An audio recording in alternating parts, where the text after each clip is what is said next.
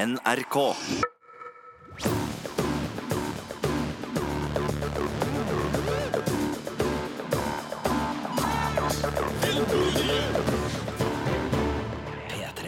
Velkommen til Filmpolitiets Godtpod, NRKs storstue for alt som handler om Game of Thrones. I studio i dag Sigurd Vik Hallo, hallo. og meg selv, Marte Hedenstad.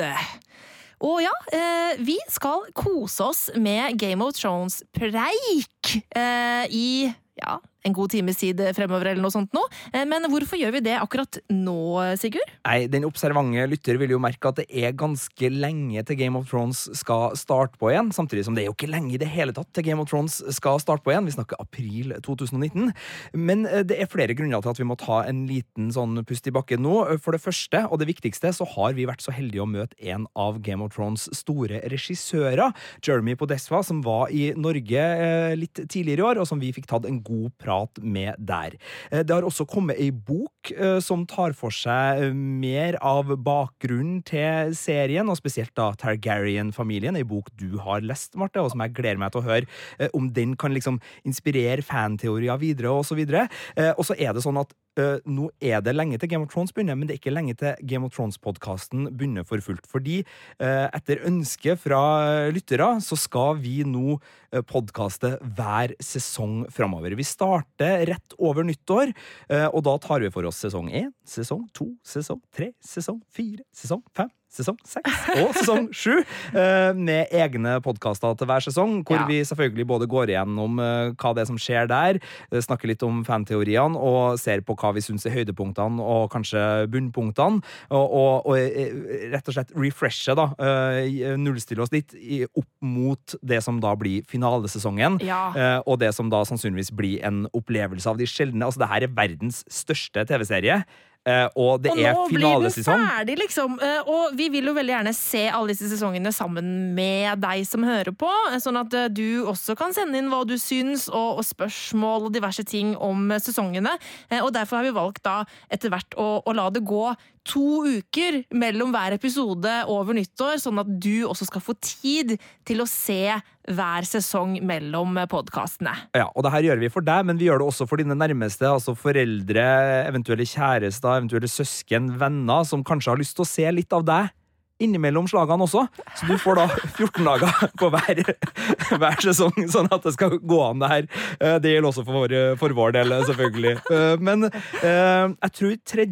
januar er den eh, datoen da den første podden kommer, så hvis du har spørsmål eh, eller ting du lurer på, eller ting du vil at vi skal se etter når det gjelder Game of Thrones sesong 1, så bare begynn å, å sende inn nå, for eh, vi kommer til å se framover nå, og se både hele sesongen, men vi kan gå tilbake og se, men bare begynn å sende oss uh, fanteorier og spørsmål, og nei, ikke fanteorier, det blir kanskje litt dumt på hvem dør i sesong 1. Uh, men hvis det er ting du lurer på, ting vi vil at vi skal se etter, uh, det har allerede kommet noen, eh, men vi vil gjerne ha flere, så bare send dem til filmpolitiet alfakrøll.nrk.no. Men nå har vi jo tatt introduksjonen, nå, nå er det ikke noe vits i å spare noe mer, nå må vi rett og slett bare introdusere eh, podkastens store gjest, Jeremy Podesva. Oh yes. Filmpolitiets Game of Thrones-podkast.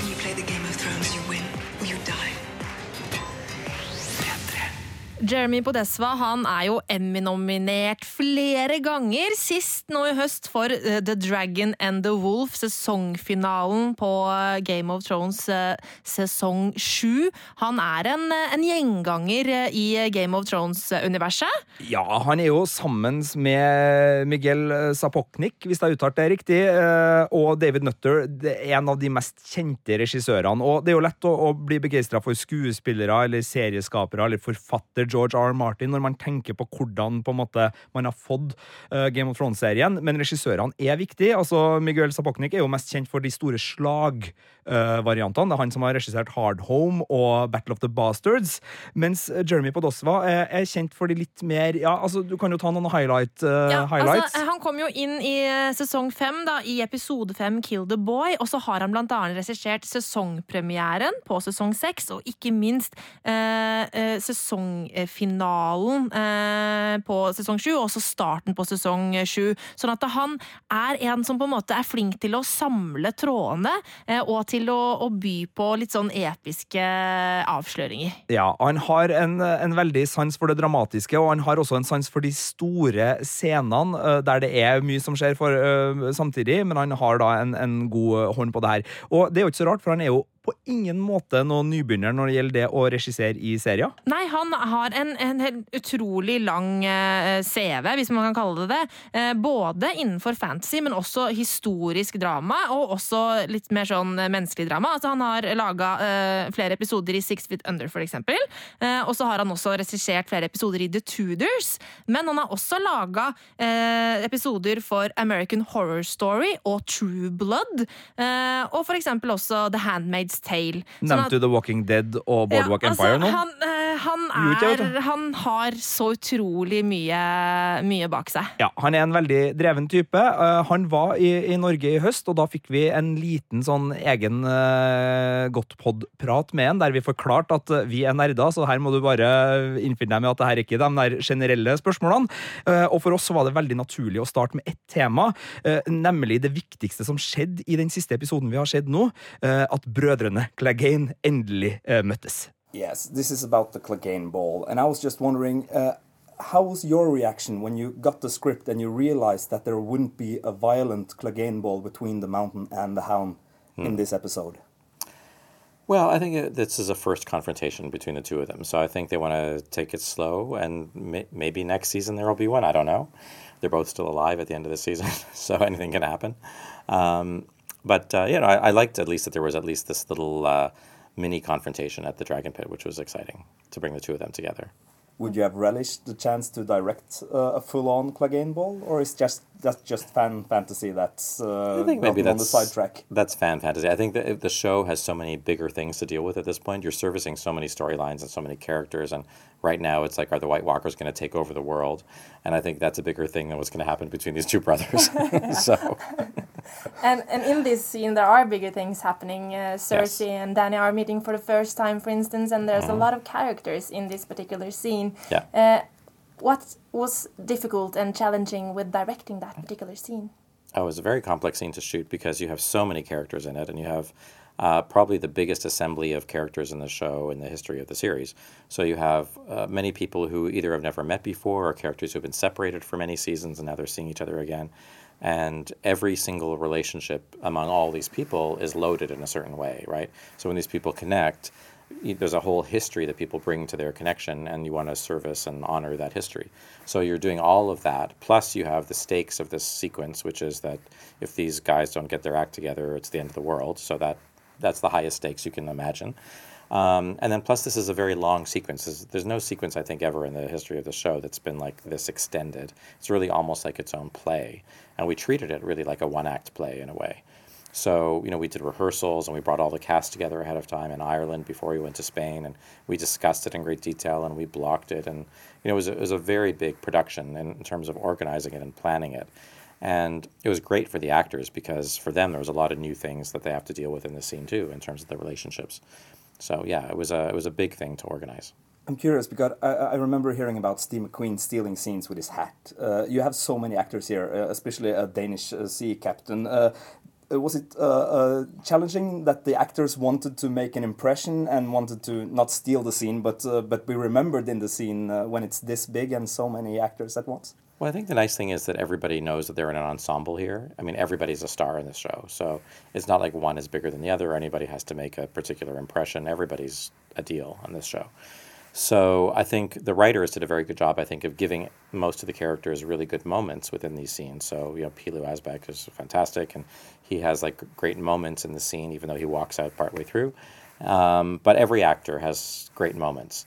Um, so yeah, I think everybody was serviced very well by the material. I don't think anybody had to make a big show of making sure they were noticed because they, they are noticed organically. So it's it, It all helps with very dragons. well. Dragons help. Dragons help. Yeah, they're always good. Um, the game, the Game of Thrones is a, a huge world, a universe that is so beloved by so many. How is it to be uh, a director in this show and to to be able to decide how this world looks to everyone and how it's portrayed? Well, it's very exciting because you know that so many people will be watching it, and that, that the fan base is so huge, and and when you get it right, everybody's so happy. so it's nice to kind of be involved with something that has such a dialogue with its audience, and so I love that, and I I love the world of the show. I love the style of the show, the aesthetics of the show. It speaks to me in a very direct way. It's very cinematic. It's very beautiful, and it's rich and detailed and textured, and you know all those things. So it's really really fun to do. You spoke earlier about uh, choosing the color of the dragon fire. Yes. Uh, that uh, would be of great concern for the audience uh, regarding fan theories. What are the dragons really? What uh, what kind of creatures are? Uh, do you think about that when you choose that color? That this will spark quite a lot of fan uh, speculation about what's really going on. Only in Well- like the choosing of the color would spark this. Yeah, I mean, I, ca- I, we can't really predetermine what the audience is going to think about things, but we do try to have a sort of logical way of working through these kinds of issues. So, you know, we know that the dragon is dead and be, and has been revived. So, you know, it's the first time we've seen basically an undead dragon in the show. So the question is, well, if an undead dragon is going to breathe fire, is it going to breathe living orange flame fire, or is it going to breathe some kind of you know, alternate version of dead dead fire in a way. And so we decided that it made more sense that it's organic to what it, what this new creature is, and that the fire will be consistent with what the dragon is now. So the the bluer flame makes more sense with the dead dragon. Uh, in decisions like these, uh, how much power do you have as a director versus the showrunners? I think ultimately the showrunners make the final final call on these kinds of things, but you know they, they definitely want to know what the director thinks, and so you know these kind of things are usually decided a little bit not by committee exactly, but there's much conversation that goes on. So I will have a strong opinion about it. The cinematographer has a sense of what he thinks would look the best, and the visual effects people and the story people and the writers everybody has a sort of opinion about it, and then you know I sort of voice my my feeling the loudest probably. That goes to the the creators of the show, and then they make the final choice. Uh, and how is it to be in in, the, in all of the series that you've been working on? Um, there are other directors that are directing their episodes. Uh, does that uh, how does that feel? Like you have your vision of it, and they have their vision of their episode. How does that work? Well, I think it's very important to the creators of the show, and I appreciate this. That you know, every every director is an auteur in a way. They all get to. It's like they're making their own movie. It's still Game of Thrones, but it's your movie, and they give you a lot of license as producers to kind of envision things the way you think they should be envisioned. So we all have our own way of seeing things. I'm sure if I directed an episode that somebody else had, it would look quite different. Um, it would still feel like the show, but it wouldn't be exactly the same. So I think that's you know I love seeing what the other directors do because I'm always so curious how they're going to interpret the scripts. I've I've read them all before they get shot, so for me it's exciting to see the choices that they make. Do you like when you see Battle of the Bastards, for instance, and you're like, ah, I wouldn't do it that way. No, no, Well- no. well, John, oh, oh, no, John, it- no, no. No, I had two thoughts when I watched Battle of the Bastards. It was like first it was like I can't imagine it could ever be better than that. It was one of the most amazing things I'd ever seen, and I I just thought Miguel just did like a genius job with that. And my second thought was thank God it was him and not me because because a I think he he did a better job than I would have done with that, and also. Um, you know, I it just those scenes are so hard to film. They're and, and hard to conceptualize too because you know they're described on the page in a very, you know, kind of simple way. But to visualize it, to bring those scenes to life, you really have to have a vision that's not in the script, and even just understanding the military battles and how they work and. You know, it might be described that there's like a, a mountain of horses, you know, collide, and it's, but you, when you think about that, how does that even happen? Like, how, is- how does a mountain of horses happen? And you know, if you're the director, you have to figure out how that actually happens. And those things are not simple, and they're not simple to th- conceive of how logically you could make this happen. It's not simple to film it. And so, you know, I'm I'm glad it was Miguel's headache and it wasn't my headache. um, but Miguel just did such an incredible job, and it was really brilliant. What was your biggest headache uh, on all the episodes that you've made? Oof. Um, you know, bringing the wall down was, a, I wouldn't say it was a headache, but it was definitely like a huge thing to wrap my head around. Um, uh, it's such a, you know, it's a, a sequence that's never really been done before. And it's, you know, just conceptualizing what that would look like and feel like is, is a big thing. And, um, you know, the Dragon Pit was a really big one too, for different reasons. It wasn't so complicated from a technical point of view, but from an acting and shooting point of view, was, was quite a dense, full experience. We've had uh, Christopher Hivju on this podcast uh, talking about his experience as an actor on the show. I was wondering, uh, how do you, as the one who directs him, uh, view Christopher Hivju uh, on Game of Thrones? I love Christoph. In fact, I'm going to see him on Sunday or Saturday. um, he's awesome. He's a great actor. He really enjoys what he's doing. He always tries to make the scene come alive in a way, and he brings humor to the show, which is always great. Um, he's. I love when actors fully embody a character and they create something out of nothing. Right. I mean, he's had you know not always the biggest arc in a season, but it, but every scene he's in is very full, and you really feel like you're you have a great understanding of who this guy is and where he's coming from, and you know he fills every moment on screen, which is so great. He also talked about the, being on the set, on the camaraderie, and uh, the guitarist drumming and the. Yeah. the parties. How is it? Are you a part of that, or do you, as a director, sort of uh, put a, a shield between uh, the workers and, and the boss? Yeah, I kind of I dip into it every once in a while. Like you know, occasionally I'll go out with them and you know or whatever socialize a little bit. But but really, I have so much work to do that you know the actors once they're finished for the day, they're finished. You know, they maybe they have to prepare lines for the next day, but they, but I really have a lot of work to do to prepare for the next day. So I'm not running around usually at night and partying and things like that. That doesn't happen. Uh, just one last question. Uh, you're now you're finished with uh, Game of Thrones, uh, the series, but are you up for maybe making one of the spin-offs? Uh, possibly. I mean, it depends. I mean, I, I mean, obviously, it's an exciting, you know, potential thing to do. Um, but you know, it's it's hard to imagine because like one of the things that made the show so special is the unique alchemy of all the people involved. So you have this amazing cast and amazing writers and producers and and assist and crew, and it's a, it's a kind of magical group of people, which I can't. It's hard to imagine them bringing together as magical a group. But who knows? I mean, I, I, I hope they do. It would be amazing. Um, obviously, the material is going to be great. So it's just a matter of like, can they can they get that magic sauce that makes it all happen? I hope so. And if they do, I'd love to do it.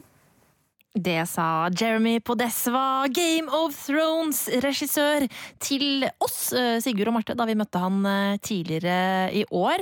Eh, Han var en veldig spennende fyr å snakke med, Sigurd. Ja, han var det, og bare sånn for dem som fikk litt sånn cringe på, på uh, slutten der Altså, han fikk ikke lusekofte av oss. Uh, han ble ikke norgesvenn. Sorry at vi var litt uh, mye fans og og. Litt sånn norsk fokus og sånn, men, men sånn, sånn ble det. Men det var en veldig, veldig hyggelig mann som, som tok seg tid til en eh, prat med oss der. Og eh, ja, han er fascinerende og veldig profesjonell. Det merka altså eh, Når han på slutten her snakker om liksom Jeg har ikke tida til å være med så veldig mye på det liksom, utenomsportslige. Når opptakene er ferdig, så må jeg sette meg ned og jobbe. Og sånn. Og han virka som en fyr som alltid tenker på eh, produktet han Mm. driver og lager. Det, det, produkt høres veldig sånn uh, upersonlig ut, men det kulturelle produktet, altså det kunstverket, om, om du vil.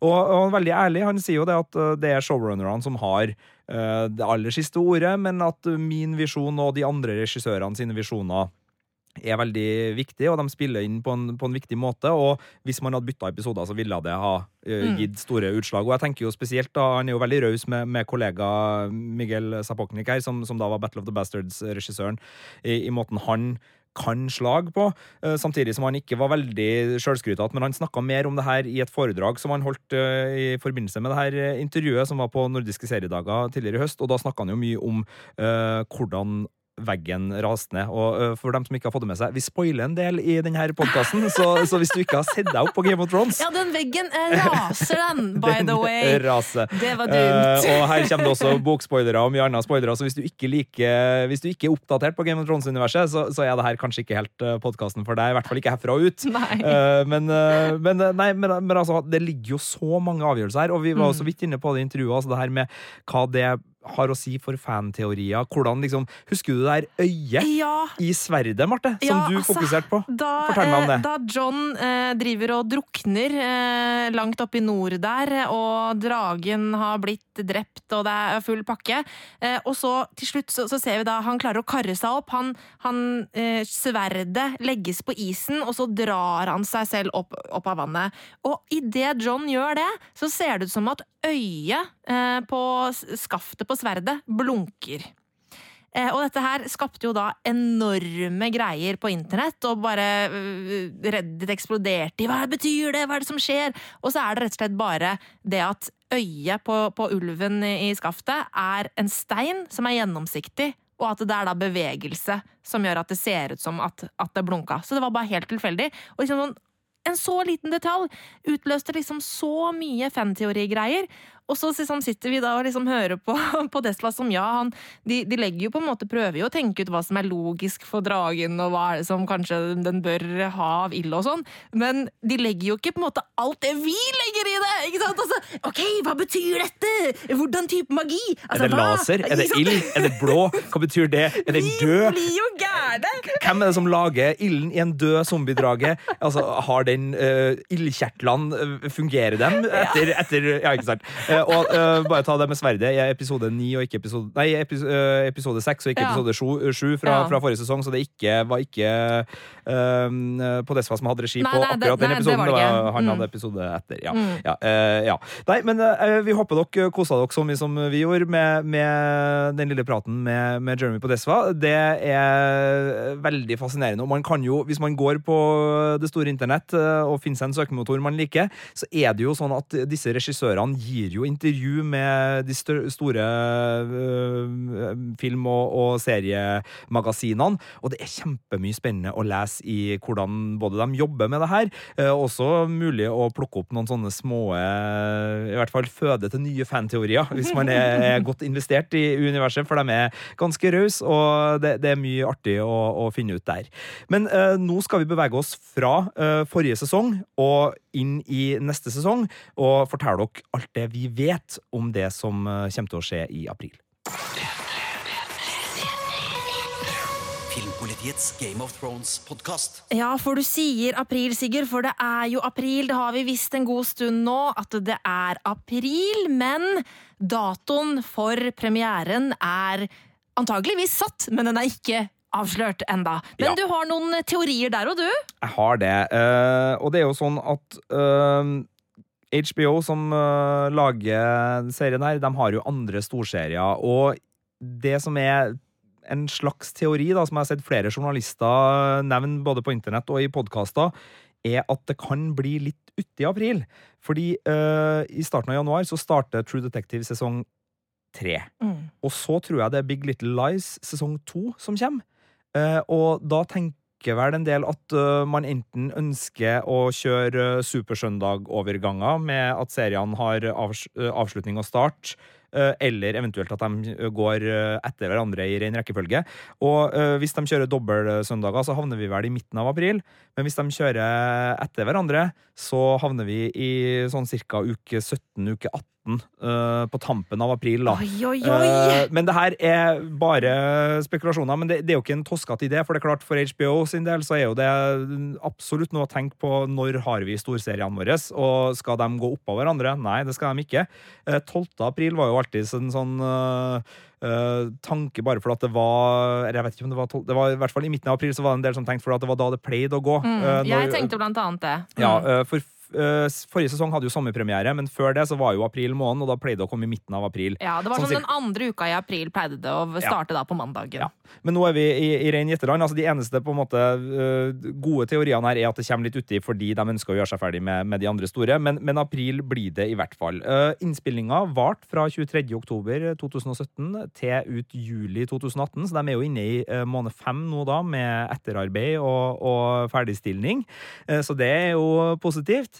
Eh, og så har vi også fått vite hvilke regissører som skal ha hvilke episoder. Vi vet også hvor mange episoder det er. Vi kan starte med å si at det er seks episoder i finalesesongen. Mm. Det er det færreste så langt. En episode mindre enn forrige sesong. Eh, Men lengden Ja. på episodene er sagt at kan være opp til feature length, noe som vil si da filmlengde.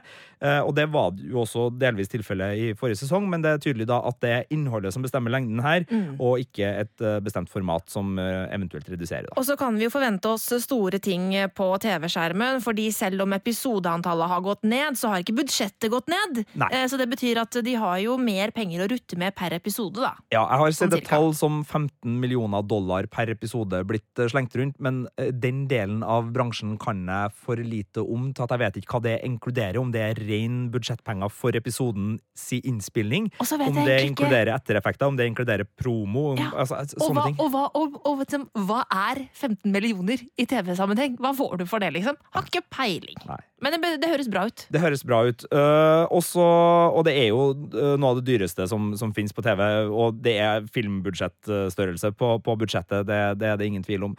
Uh, når det gjelder episodene og regissører, så er det jo da David Nutter som har episode én og to.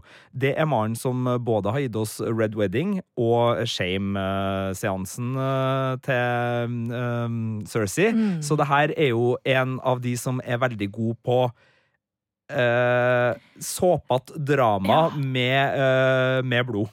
altså, han er ikke slagspesialisten, men han har virkelig levert noen av de mest ting. sjokkerende og brutale.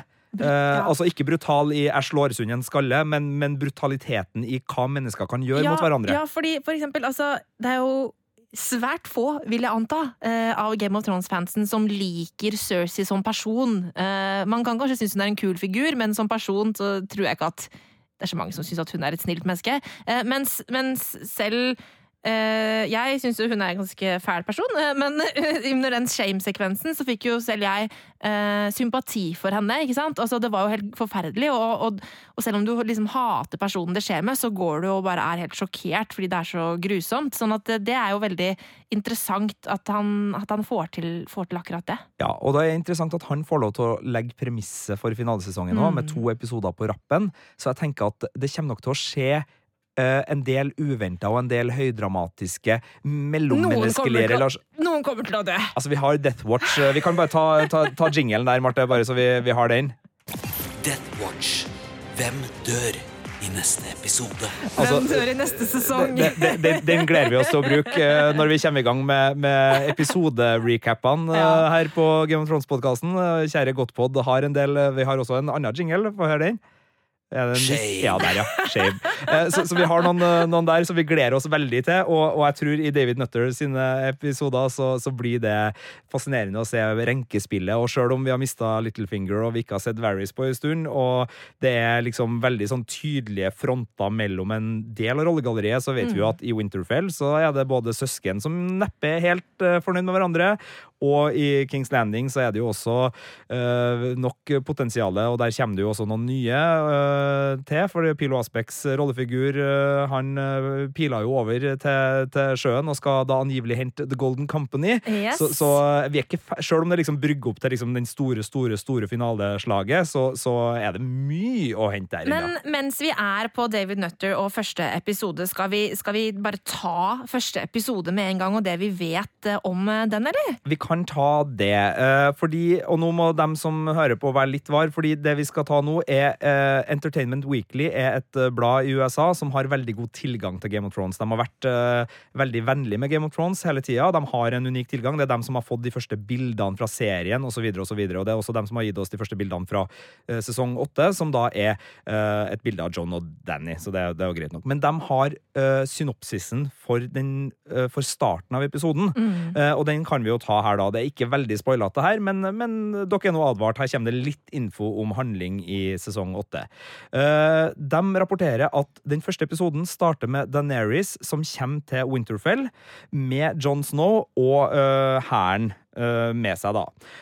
Og det som følger da, er en is a trilling and tense intermingling of characters, some of whom have never previously met, many who have messy histories as they all prepare to face the inevitable invasion of the army of the dead. Så det er en veldig generell beskrivelse Entertainment Weekly har eh, gått bort, og jeg beklager. Men så er det David Nutter som har regi, så ikke sant? Altså, øh, dette her, jo, det her blir altså, gøy! Men vi vet jo ikke når. Altså sånn Neida. Ja, uh, og så er det jo også en callback til første episode, da, da King Robert kom med sin nye dronning Cersei til, King, til Winterfell, mm. hvor det gikk både barn ut Skal Bran bli dytta ut av tårnet nok ja. en gang? ja, skal det. Jamie er også på vei, så det, det blir, blir Nei da. Men, men, der òg var det jo, altså hvis man sier at Job, uh, Robert er John, da, eh, som er liksom vennen som kommer tilbake, og så har han skaffa seg et kvinnfolk som de overhodet ikke setter pris på. Uh, forrige gang eh, Cersei, denne gangen Deneris. Eh, og så er jo sannsynligvis Tywin med begge gangene, som drar og drikker rundt i stallen. Tyrion, ja. ja, Tyrion med det. Så, så det er jo noen likheter her, så, so, så absolutt artig. Men, men det er det vi, vi vet om, om starten der. Vi skal ikke si så mye mer. Men i episode tre, da kommer Miguel uh, Sapoknik Jeg beklager at jeg uttaler det navnet Altså, både feil feil hvordan og er det det uttales, da? Sapokni... Altså, det må jo være det. Sapoksjnik? Sapoknik? jeg, jeg sier det sikkert litt feil, og litt ja. fe, uh, varierende feil òg. Det beklager jeg, men jeg skal, jeg skal prøve å, å holde meg der. Men det tyder jo på at vi får en, et slag i episode tre. Muligens, altså, han kan jo mer enn eh, store slag, men det må jo komme flere slag her, fordi man har både krigen mellom uh, Lannister og Targaryen slash uh, eh, Stark.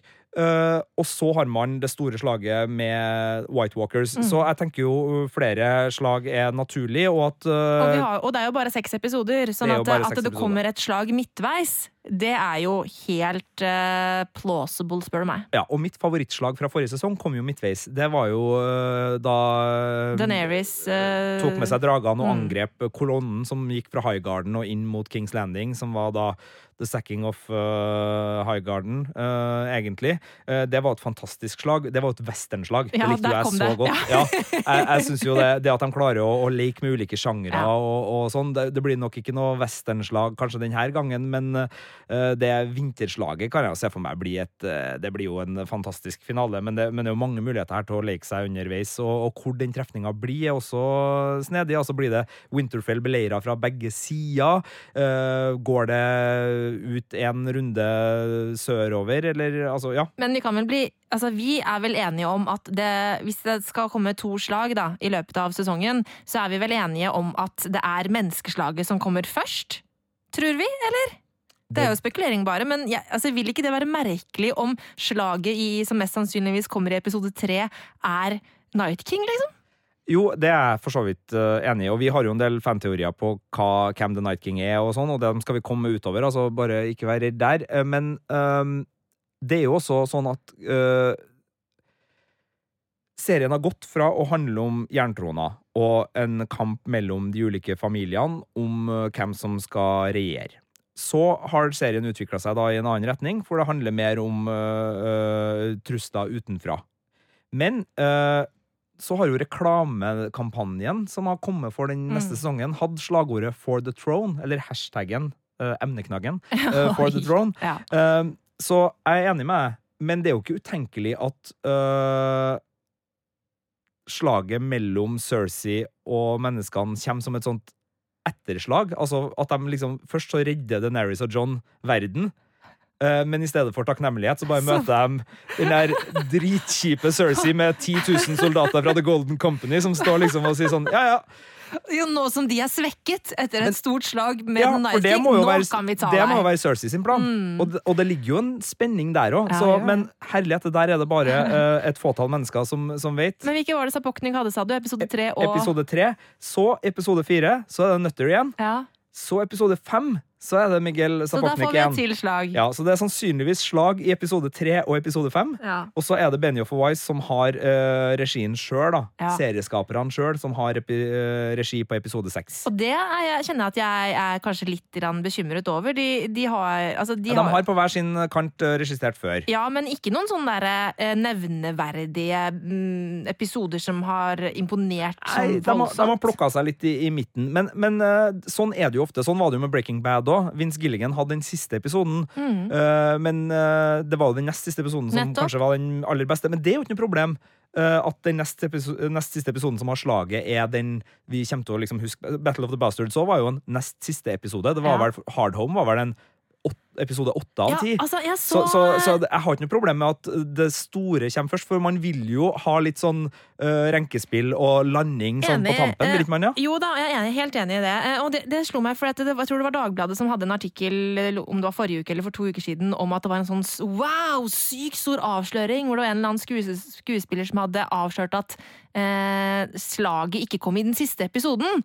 Men, men sånn har det jo alltid vært i alle Game of Thrones-sesongene. Det, ikke, det store slaget har jo aldri kommet i den siste episoden. Sånn at eh, det er jo å forvente at eh, man må kunne liksom Nå må vi nøste opp, nå har vi hatt et stort slag, nå må vi nøste opp i alle trådene og, se hvordan det her ender. Ja, og så er det veldig viktig på det her tidspunktet å si at eh, alt bortsett fra navnene og episodene de skal regissere, er gjetting fra Ja. vår side. Gjetting, synsing, rabulering osv. altså, osv. Eh, profesjonell eh, antagelser? Det er om det. Ja. Eh, så det er så. Eh, men der har man lista over regissører. Man kan også gå inn på Wikipedia og se lista over manusforfattere hvis man ønsker det. Det er jo Bernie Overvei som har hovedansvaret og også direkte manus på de fleste episodene her, men det er et par kjente navn som, som er innom der.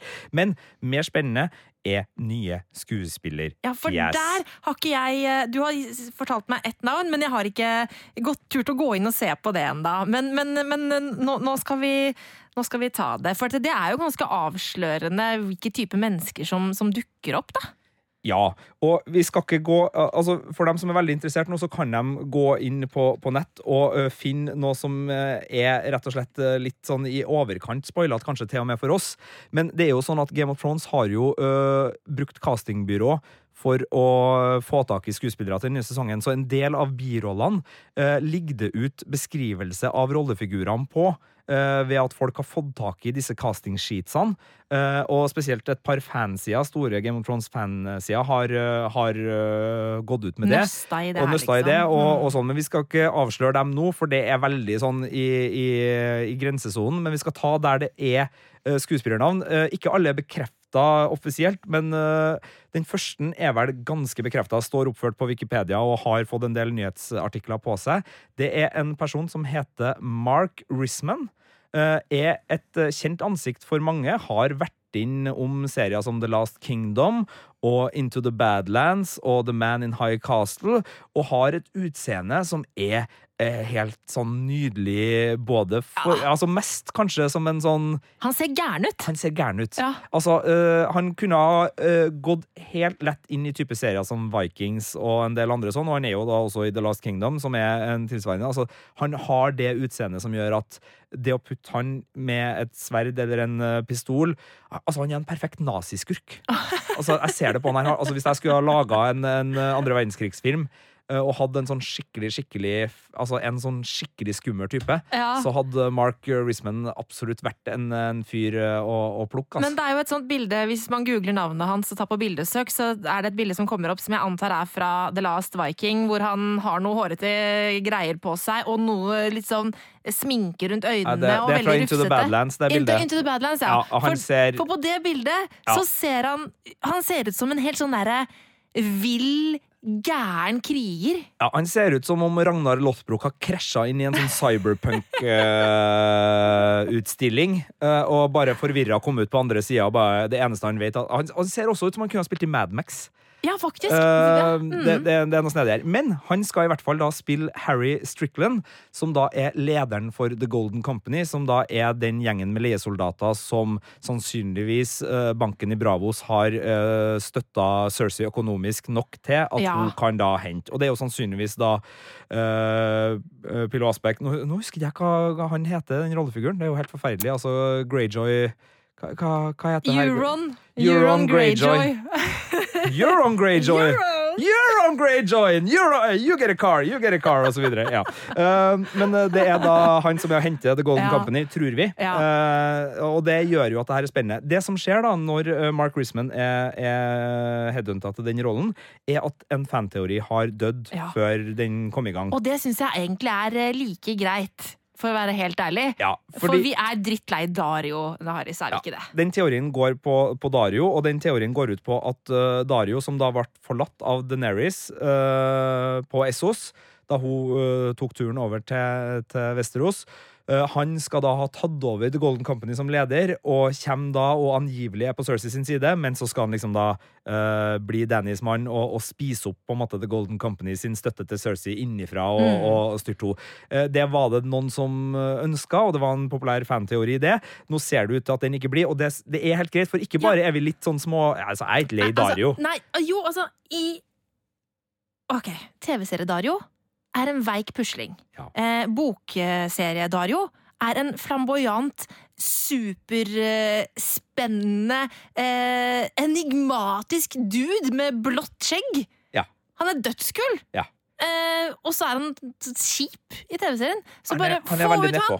Få ut han! Ja. Eh, og Men- så få inn denne Risman, som Ja, ser helt crazy ut. Han ser helt nydelig ut. Bildesøk uh, Mark Risman, folkens. Det, det er det verdt. Men, uh, men det er ikke bare derfor det der ikke er en god idé. Fordi at vi vil jo at ting skal stå på spill, Mm. og da vil vi jo at Cersei skal være mektig.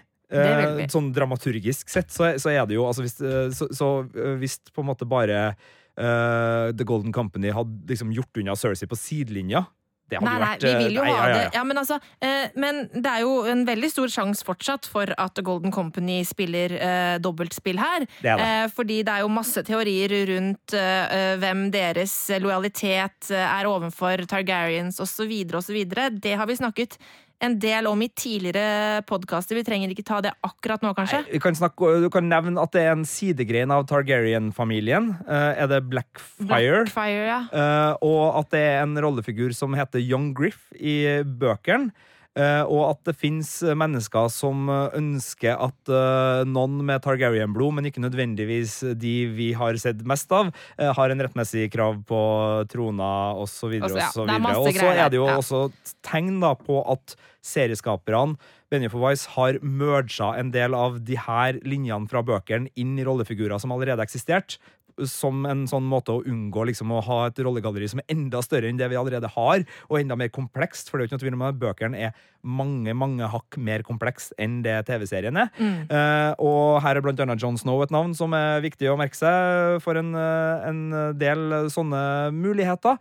Uh, men nå er vi jo da i det der gjettelandskapet igjen. Men, men det, ja, det, det, The Golden Company har nok en En eh, overraskelse på lur. har nok et overraskelse på lur, men at den overraskelsen skulle ha vært en Dario som på en måte, altså Det ville ha vært lett å gjøre det på den måten, men det ville ha vært eh, litt sånn Nedtur. for lett. Ja, Ja, eh, det hadde bare vært sånn Å, det har vært sånn fanservice som ikke er fanservice. Fordi ingen liker Dario. Ja, du er der, da. Men jeg tenker mer bare for at det blir for lettvint. Ja, enig. Ja. Helt enig. Men uh, det er ikke den eneste skuespilleren som uh, vi har fått uh, navnet på. Det er en dame som heter Danielle Gilligan.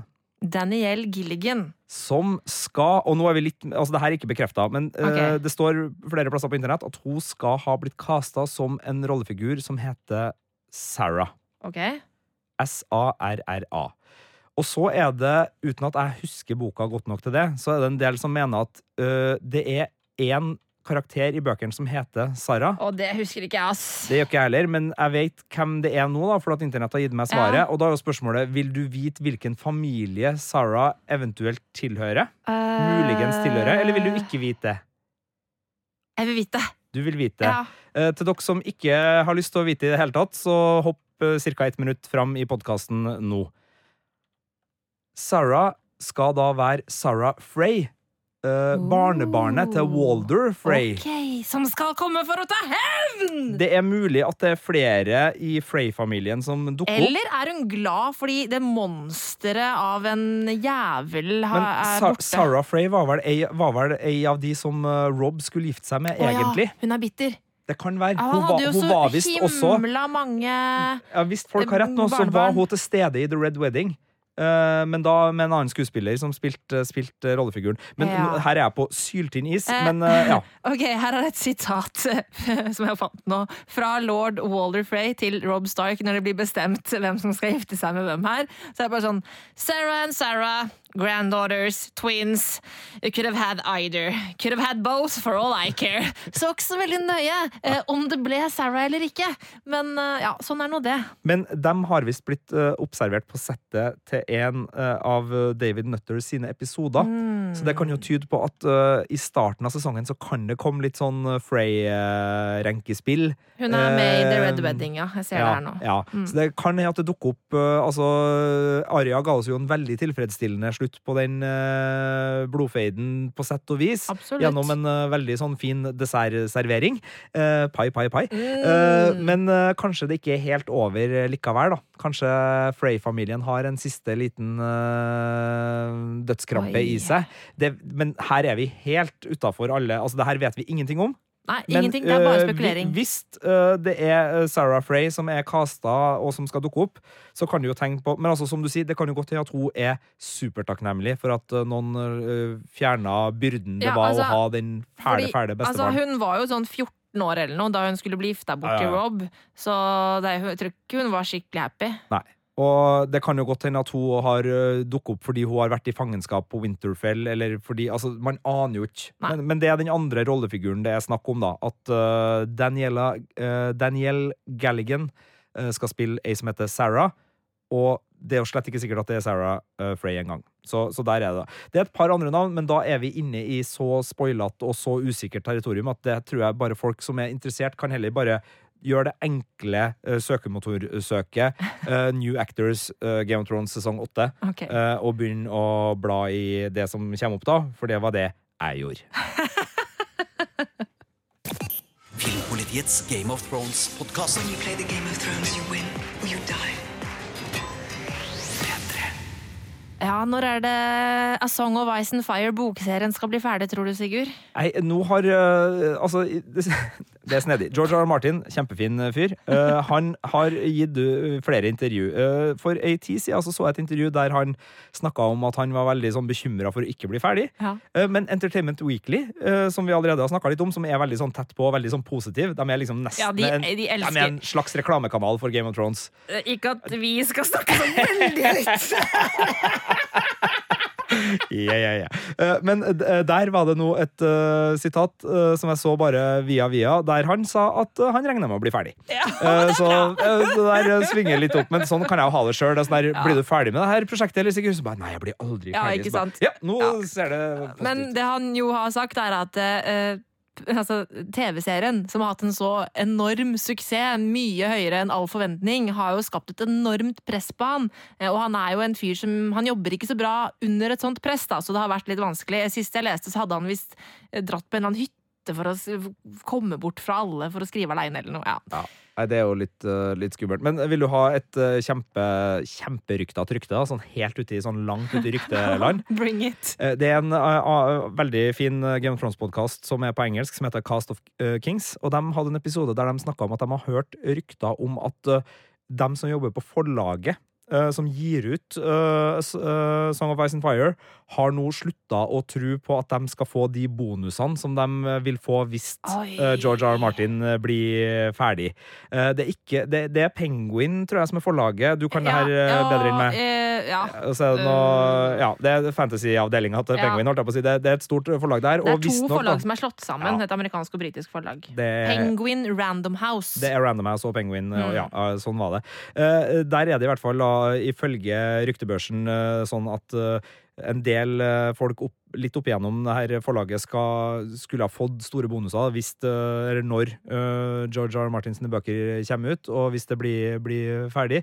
Men de har nå begynt å liksom bare se bort fra De har begynt å isteden ha en sånn dritsvær pengepott som de vedder på hva som kommer til å skje, når han kommer til å dø, og liksom så er det den som gjetter riktig, som får den dritsvære potten, da. Vi kan jo bare gjenta for, tull. for holdt på å si nye lyttere. Du har jo vært i intervju med George R. Martin og stilt et uh, spørsmål som er. Ja. uh, i veldig beslekta med det vi snakker om nå. Hva var det du spurte nå? Jeg spurte hva han syns om Og det her er- må jeg si veldig tydelig. Det jeg spurte om, var hva han syns om at fansen er redd for at han skal dø. Og da fikk jeg beskjed av eh, Hvem var det? Altså sånn minderen hans, altså publicisten eller whatever, hun som driver og ordner. Uh, we tell them to fuck off. eller noe sånt, var det hun, eh, hun sa. We usually tell people Ja, to fuck off when they ask var det. that. Eller noe sånt? Ja, noe sånt. ja, det var noe sånt. Uh, så, så det, Så det er helt da. klart et Mm. perspektiv som, som mange er opptatt av. Nå har jeg faktisk lest òg at i intervjuer som gjøres nå, så får journalistene beskjed på forhånd om at de ikke skal spørre om det. Ja.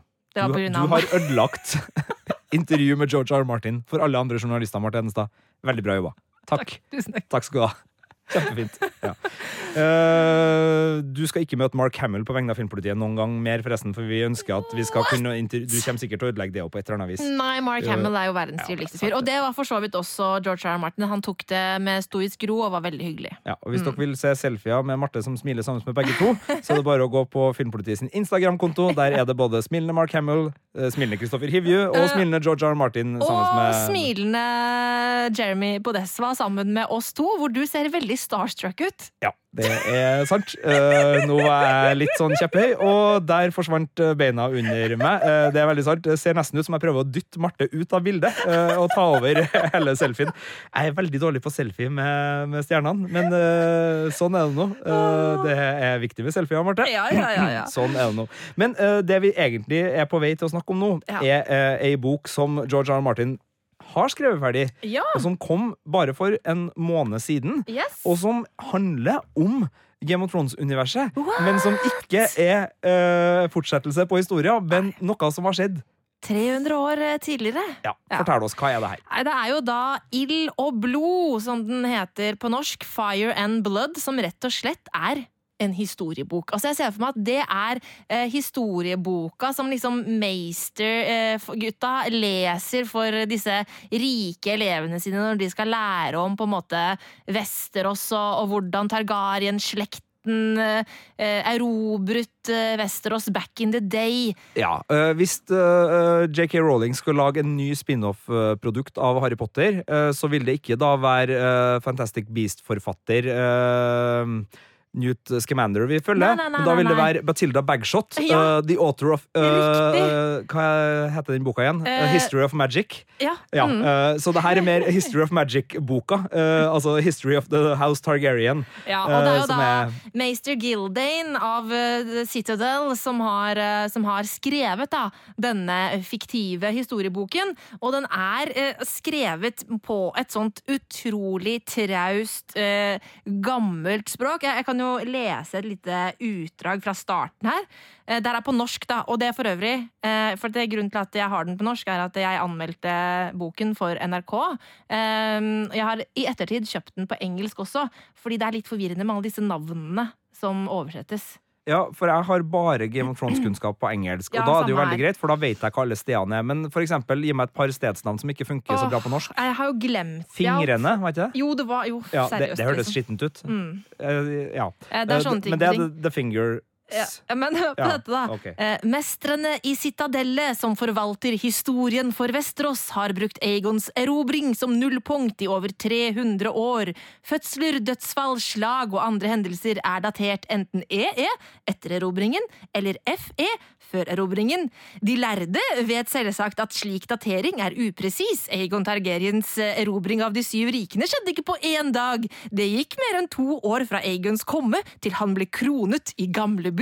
Ja, så det er testamentspråk i det her. Bare si, Hvis eh, du som hører på jobber i et lydbokforlag, så er Marte Edestad tilgjengelig for eh, høytlesning av dine er bøker. absolutt. Både med og uten eh, satirisk brodd i, i Eh, stemmen. og nå høres jeg jo enormt negativt ut til denne boka. Sannheten er jo at jeg elsker det. Ja. den er jo en murstein å lese, og veldig tung i språket, men det er jo så masse spennende historie her! Men for oss da, eh, som ikke har lest den, men som er veldig glad i Game of Thrones, eh, hvordan utbytte har vi? Hva er, det, hva er det som kommer fram i den boka som er, er verdt å få med seg for oss? Den handler om eh, da, altså, da Aegon eh, erobret Vesterås, og så handler det da om de kommende kongene og dronningene i rekka etter han.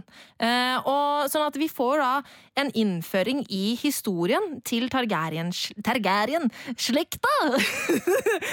og det er veldig fascinerende, fordi at dette er jo folk vi har hørt om eh, så mange ganger i løpet av eh, Game of Thrones TV-serien og bøkene, at det er veldig sånn interessant å få vite litt mer om livene de levde, og måten de regjerte på. Eh, for eksempel Jaharis Targaryen var en eh, veldig liksom sånn benevolent og snill og god konge som sørget for at det var fred i mange år i Vesterås. Eh, så, sånne type ting. Og så, er det jo eh, gøy å lese det som kan tolkes som små smakebiter på eh, ting vi har møtt eh, senere. Som for eksempel dukker det opp tre drageegg som blir stjålet i denne boken. Oi, eh, som jo da er fascinerende. Så det kan være de dragegam? Ja, det kan jo det. Skal vi se om jeg, om jeg finner det akkurat hva det står om det her. Tja, ja, altså det var vel eh, Åh, det er så mange navn. Skal vi se. Jeg må. Jo, um, lady Elissa uh, Farman, uh, som var uh, en sånn um, dame for Reina Targaryen, hun stjal eggene fordi at hun trengte penger til å reise fra Vesterås og østover. Og så kommer hun da over til Bravos og Pentos og får solgt disse eggene, og de da blir borte, og Reina ble selvfølgelig rasende, og, og sånne type ting. Og vi vet jo ikke om det er de samme drageeggene, men vi vet jo da at det er tre egg som kommer seg til Essos. eh, Og det er, jo, det er jo mest sannsynligvis da. Og det som er litt kult, er at det, da vet vi også hvilken drage som er da moren til Daenerys sine drager. Og det er Dreamfire. Og det var en veldig svær og mektig drage, eh, som var den som faktisk ødela eh, The Dragon Pit.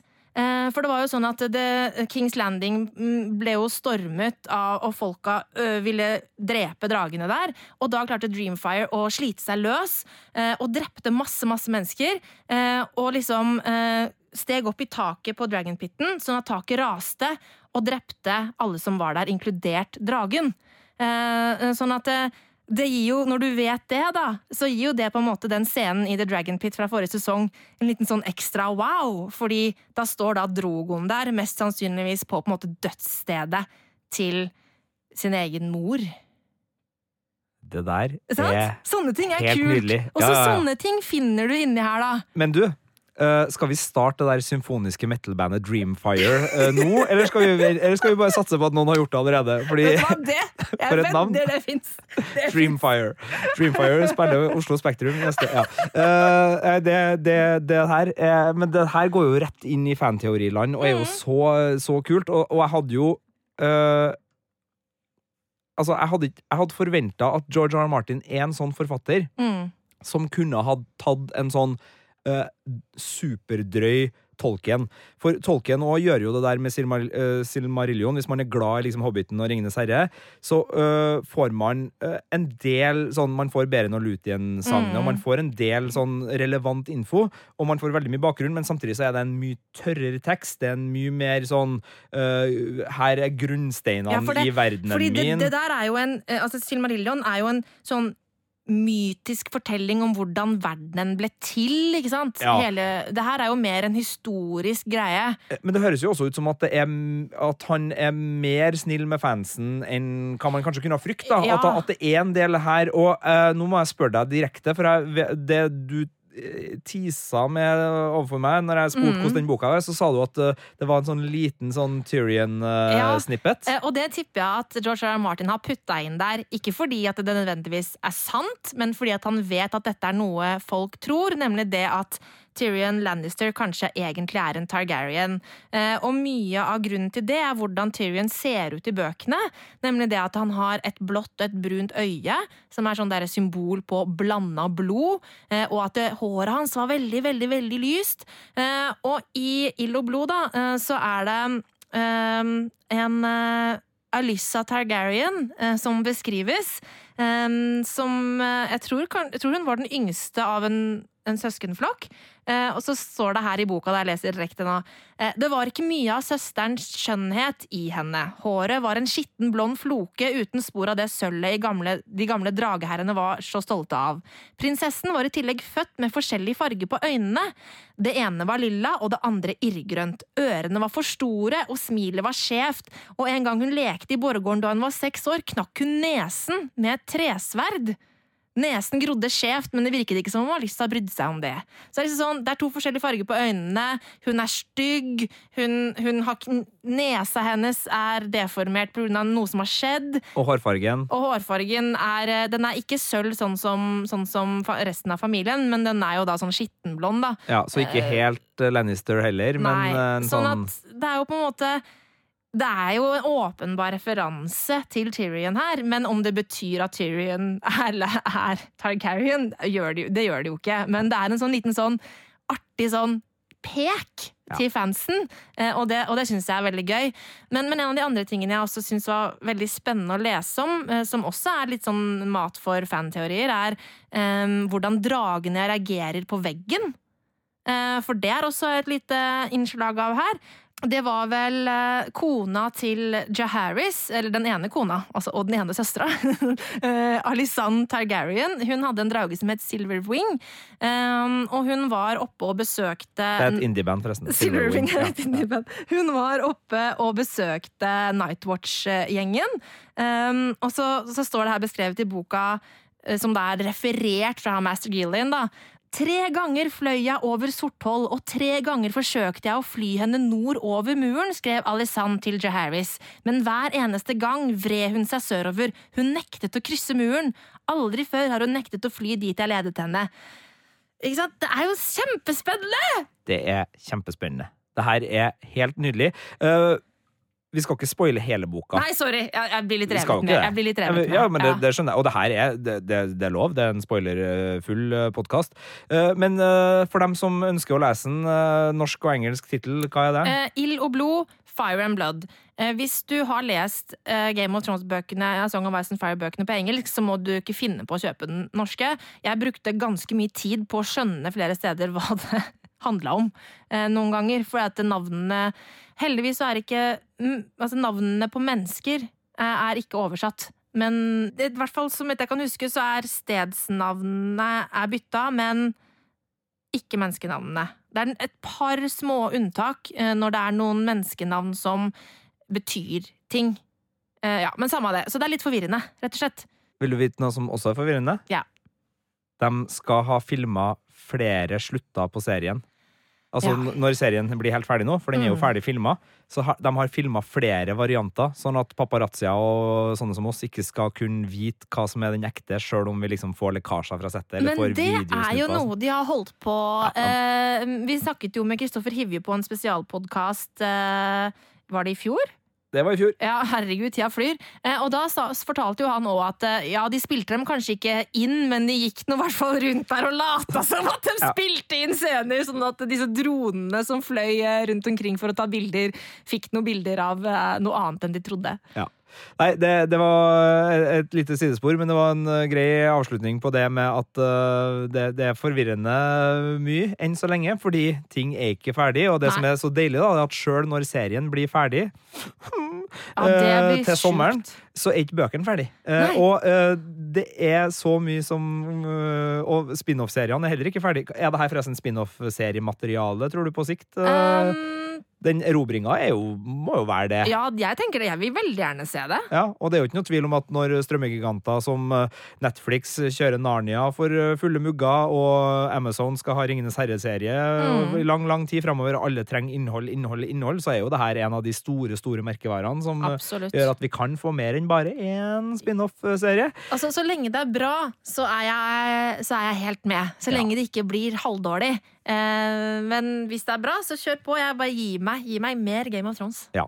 Eh, Vi skal i hvert fall gi mer Game of Thrones her i Godtpodden. Og som sagt, 3.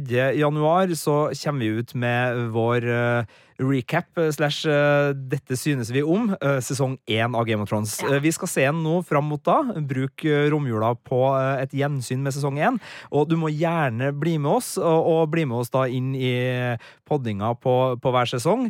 Eh, Hvis det er ting du lurer på underveis når du ser det her, eller ting som irriterer, eller ting som gleder, så, så si fra. Vi skal jo kåre både liksom uh, Vi skal gi ut noe drageegg, og vi skal gi ut noe shame på hver sesong, selvfølgelig, og vi skal diskutere ting som uh, ser annerledes ut nå som vi vet mye mer enn da vi så det for første gang. Uh, så det blir mye, mye spennende der. Og hvis du har fanteorier, for det kan jo være fanteorier som går på ting som dukker opp i de her sesongene som vi ikke har Absolutt. plukka opp, og som kan være gjeldende ennå, så send oss gjerne det. Alt det her på Filmpolitiet, alfakrøll.nrk.no, eventuelt ta kontakt med oss på Instagram, hvor vi er NRK Filmpolitiet, eller på Twitter, hvor vi også er Filmpolitiet. Eh, og hvis det er andre ting du lurer på framover, så er det selvfølgelig også bare å komme med det der. Vi kjører på med alt som er godt relatert. Vi høres. Filmpolitiets Game of Thrones-podkast. Det var altså det vi hadde i denne aller første episoden av den nye sesongen av Filmpolitiets Godtpod. Men hvis du har lyst til å høre gamle episoder, så finner du det i Filmpolitiet sin podkast. Og det er bare å søke opp episoder merket med Godtpod der. Og der finner du også blant annet en spesialpodkast med sjølvaste Kristoffer Hivju. Spørsmål, teorier eller innspill? Send en e-post til filmpolitiet, alfakrøll, nrk.no. Now begins. Now it ends. Filmpolitiets Game of Thrones-podkast. Absolutt ikke spoilerfri sone.